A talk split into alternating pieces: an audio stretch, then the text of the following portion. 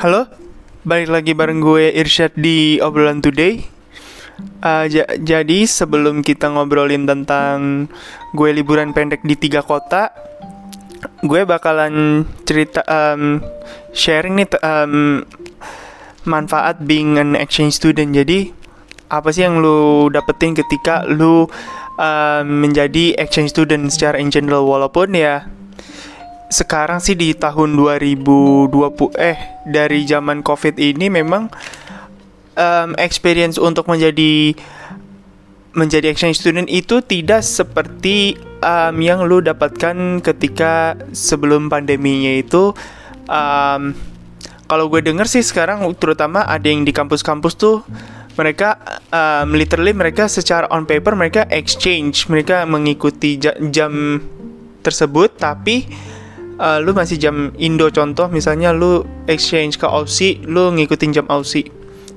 Gitu. Tapi ya um, tapi ya ex, um, experience-nya sih ya nggak sama sih maksudnya dengan lu sebelum pandemi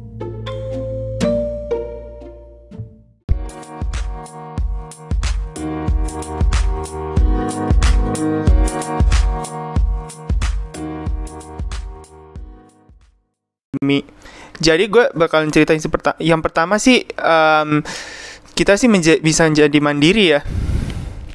Bisa jadi mandiri itu dalam artian em, kita ya obvious adalah kita sih pinter ngatur duit juga yang pertama karena kan ya bayangin aja misalnya contoh ortu gue ngirimin gue uang em, sekitaran adalah sekitar 100-200 dolar waktu itu karena kan juga makan juga udah di provide waktu em, sama sekolah sama terutama sama host mom waktu kalau misalnya di host mom kalau gue di dorm udah ada, udah disiapkan lah waktu itu sama dorm.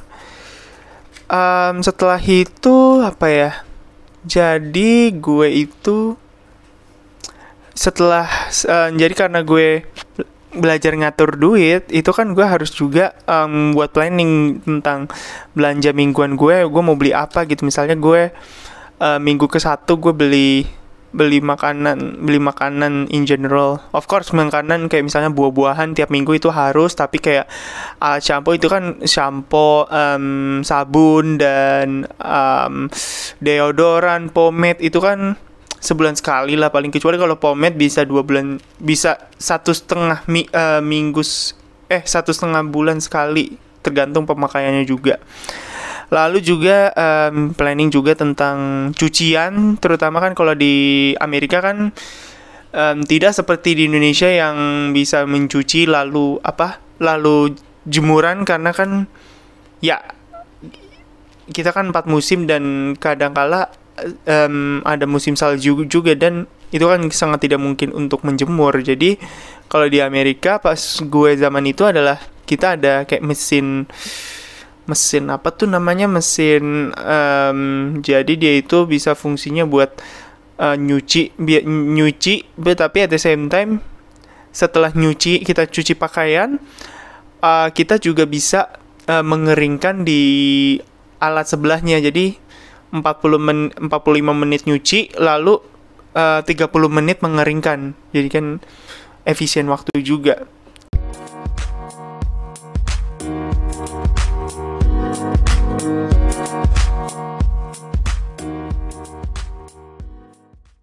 Gitu.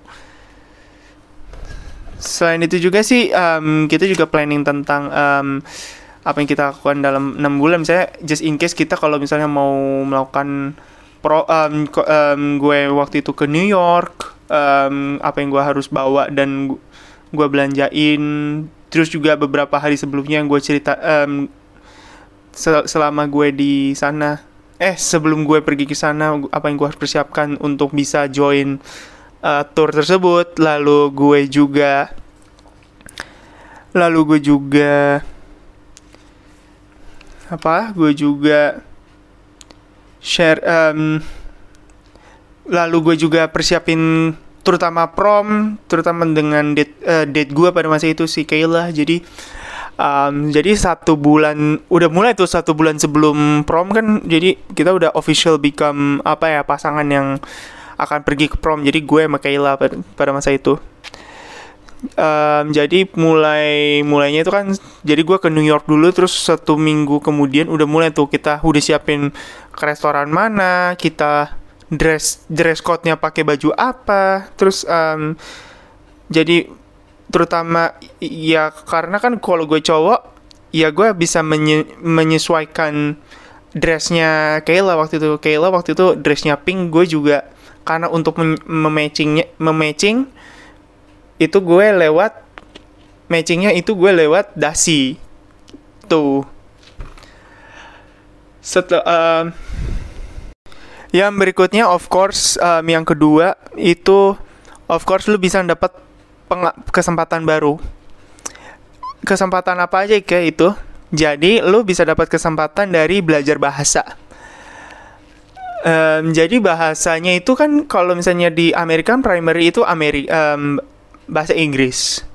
Jadi uh, di sana itu uh, kalau misalnya bedanya di Indo sama di Amerika adalah kalau di Indo kan kalau misalnya gue di salah satu lembaga um, lembaga bahasa Inggris pada masa itu itu kan kadang-kadang kita bisa nanya sebelah teman kita misalnya kalau kita nggak tahu satu salah satu kata tersebut kita bisa nanya eh ini apa sih ini artinya beda kalau lo di Amerika kalau di Amerika ketika lo tidak tahu kata tersebut um, lu misalnya gue tidak tahu kata in tersebut. Atau misalnya gue tidak mengerti bagaimana caranya untuk menjelaskan um, kondisi tersebut. Lalu um, di contohnya gue di Amerika pada masa itu ada namanya ESL yaitu adalah English for um, jadi ibaratkan itu um, adalah guru yang tersertifikasi ada uh, bisa mengajarkan um, kepada murid-muridnya yang in, uh, menggunakan bahasa Inggris sebagai bahasa kedua. Jadi apa intinya? Uh, jadi intinya adalah uh, bahasa Inggris bahasa ketika dia bisa mengajar ke orang-orang yang bahasa utamanya bukan bahasa Inggris gitu. Walaupun ya sama Inggris Amerika pun juga bisa ya. Mungkin yang lebih itu. Tapi um, dari segi itu sih membuat gue harus kayak lebih komunikatif dan lebih apa ya lebih uh, menjelaskannya bisa lebih um, lebih sim bukan lebih simpel ya istilahnya bisa menjelaskan lebih lanjut gitu. Lalu yang kedua adalah um, tentang culture sih, misalnya tentang tentang budaya.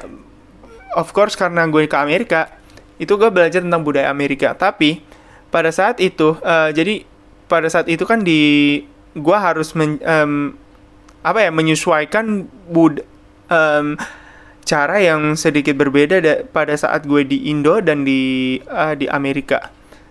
Misalnya kadang-kadang kalau misalnya to pintu toilet kan kadang-kadang kalau misalnya di Amerika mereka lebih suka dibuka kalau di uh, di sana mereka lebih suka dibuka karena itu menggambarkan kalau misalnya ada orang apa tidak gitu tapi berbeda dengan di Indo yang kadang-kadang apa um, di ini ditutup, di juga ditutup. Jadi kan ya maksudnya ini kembali lagi ke preferensi tapi ya gue lebih mendapatinya seperti itu sih. Selain itu selain toilet itu ya mungkin dari cara misalnya um, gue jujur lebih gue juga belajar tentang culture Jerman sih juga pas yang ya sorry itu saya tentang perang dunia uh, tentang um, ya tentang PD2 itu kalau ke Jerman itu lu nggak bisa asal sembarangan ngobrol apalagi kalau lu baru kenal dan lu baru ngomongin tentang uh, perang dunia abis lu.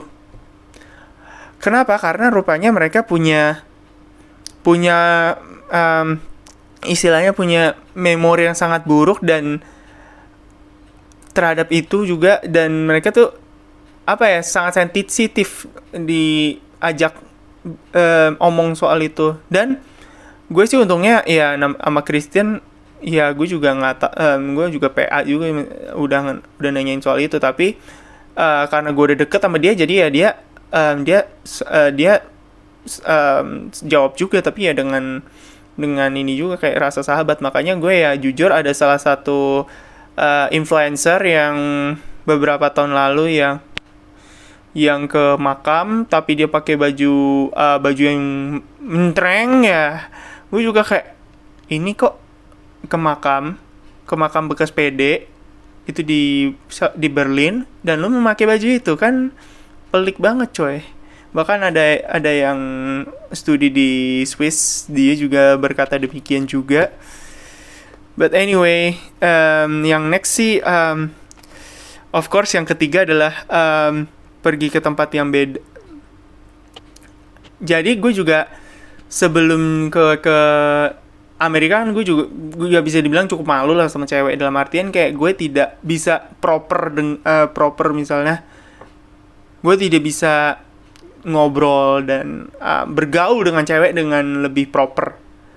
Mungkin ada beberapa yang de bisa deket dengan cara gue tapi um, setelah gue di Amerika gitu gue lebih senengnya adalah karena gue ada kesempatan untuk lebih berbicara dengan cewek gue lebih ada kesempatan untuk uh, misalnya gue nge-embrace gue meng-embrace gue.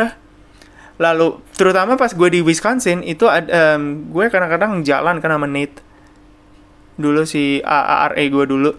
Itu gue dulu inget banget pas zaman di mana gue di mall ya gue tidak bermaksud untuk kayak ngeflirt gitu. Gue cuman kayak ya udah gue ngobrol deket terus kayak ngobrol secara general.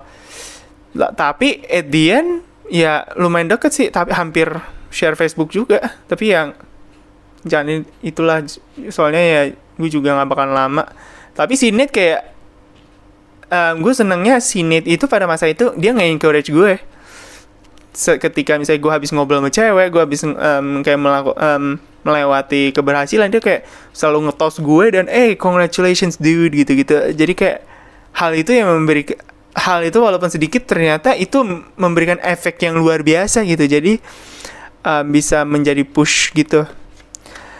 Lalu juga um, dari segi um, misalnya juga gue ke ke game American football itu juga kan experience baru yaitu gue menonton um, American football uh, ya American football yang lo lihat lempar-lempar uh, bola gitu langsung lo kadang-kadang um, harus menghadang quarterback yang istilahnya yang penangkap pertamanya itu.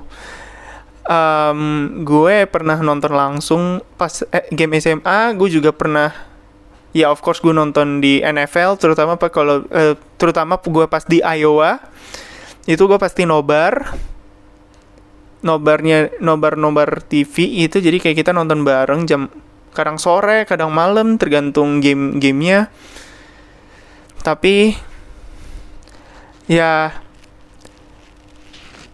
oh ya juga kalau bahasa sih maksudnya kembali lagi ke bahasa gue sedikit baru inget ini jadi kalau bahasa sih bukan cuma dari Inggris ya tapi gue waktu itu kan ada yang dari Jerman ada dari dari jadi gue sedikit-sedikit bahasa Jerman bahasa Jerman, bahasa Belanda waktu itu gara ada, car, jadi gue iseng dikit belajar bahasa bahasa uh, bahasa Belanda juga waktu itu di uh, di exchange di Wisconsin ada orang Korea, jadi kita sedikit-sedikit belajar bahasa Korea, jadi ya gue gue tahu bahasa kas kata kasarnya Korea lah pada masa saat itu uh, dan gue ya gue juga ajar ja gue juga lumayan lah pakai katanya kalau apalagi kalau lagi kesel kan bisa pakai kata tersebut. Terus um, apa ya? Oh ya gue juga ambil kelas Spanyol pada masa itu. Jadi kan ada um, gue pas semester 1 di sana gue sama coach jadi kayak kita uh, mau nggak mau ambil kelas Spanyol. Cuman edit, um, pada momen itu eh gue kenapa suka ya? Misalnya belajar bahasa Spanyol misalnya ada um, terutama uh, kalau misalnya kita udah biasaan jadi enak. Dan gue ada nama sendiri di uh, jadi gue nama nama Spanyol gue kalau di dari sekolah tersebut namanya Miguel. Me amo Miguel gitu. Uh, jadi um, setelah um, setelah itu setelah jadi intinya adalah kalau misalnya lo di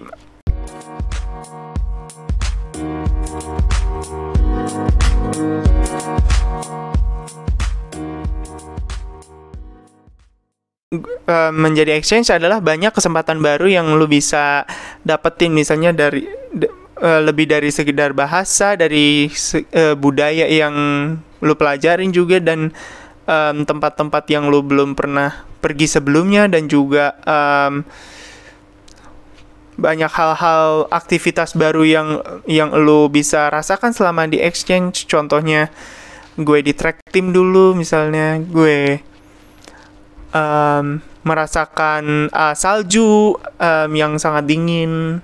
Bahkan saking dinginnya itu minus 10 celcius itu yang paling dingin Em, juga ya gue. Ya intinya sih hal em, exchange student tuh bisa memberikan hal em, hal-hal kesempatan baru yang sangat ekstensif ya yang lo bisa dapatkan. Kalau misalnya in case pandemi ini udah berakhir ya. Em, terus yang ketiga yang yang gue paling ngerasakan dan se- semua I think everyone agrees adalah lu bisa menjadi em, kesempatan menjadi minoritas. Jadi maksud gue adalah em, gue kan em, dikasih kesempatan tinggal di kota kecil di Minnesota dan Ladysmith eh Minnesota dan di Wisconsin di mana eh, kalau kita di Indonesia kan kita harus sholat Jumat tiap eh, tiap Jumat. Harus sholat Jumat. Akan tetapi tapi gua untuk ke untuk ke masjid tersebut misalnya di masing-masing kota itu jaraknya cukup jauh. Ini yang paling deket. Paling deket. Itu satu setengah jam. Yang paling dekat itu satu setengah jam dan dari satu setengah jam itu lo harus lo harus ke, em, di tengah di samping lo satu setengah jam harus ke masjid dan juga pada saat pada saat em, kelas itu pun lo masih eh, masih ada kelas gitu. Jadi em, kadang bis zuhur bisa jam setengah 12 kadang-kadang bisa jam 11 kadang bahkan bisa jam 1 kalau misalnya summer atau spring itu bisa jam 1 jadi ya dan kita juga bisa em, dan juga kita bisa apa ya bisa istilahnya selama bisa em, menjadi minoritas di sana eh, kalau gue sih yang gue rasain adalah bisa menghargai em, orang-orang sana lebih lanjut juga. Jadi istilahnya apa ya? Jadi istilahnya gue sebagai minoritas gue bisa menghargai orang-orang yang uh, minoritas di sekitaran gue. Misalnya minoritas dalam artian kayak um, dia misalnya tidak mengerti bahasa tersebut kita bisa membuat mereka mengerti dengan penjelasan kita.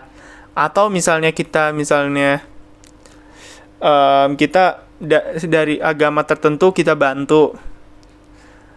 Em, contoh gue waktu di ini ya mereka saling understanding sih. Misalnya gue gue pasti harus sholat. Cuman ya kadang-kadang gue juga harus um, pinter lihat situasi juga. Misalnya kadang-kadang um, misalnya pas habis latihan trek gue pasti sholat. Karena ya kan dan ya tidak ada ruangan khusus untuk musola. Nggak kayak di Indonesia di mana-mana pasti ada musola. Tapi di Amerika itu kadang-kadang belum tentu ada musola. Tapi minimal yang lu bisa lakukan adalah mencari tempat uh, yang tempat kosong untuk untuk sholat. Setelah itu gue juga um, mendapat kesempatan untuk ke gereja, ke gereja gue tiap minggu. Aneh ya gue gue ke gereja tiap minggu. Tapi ya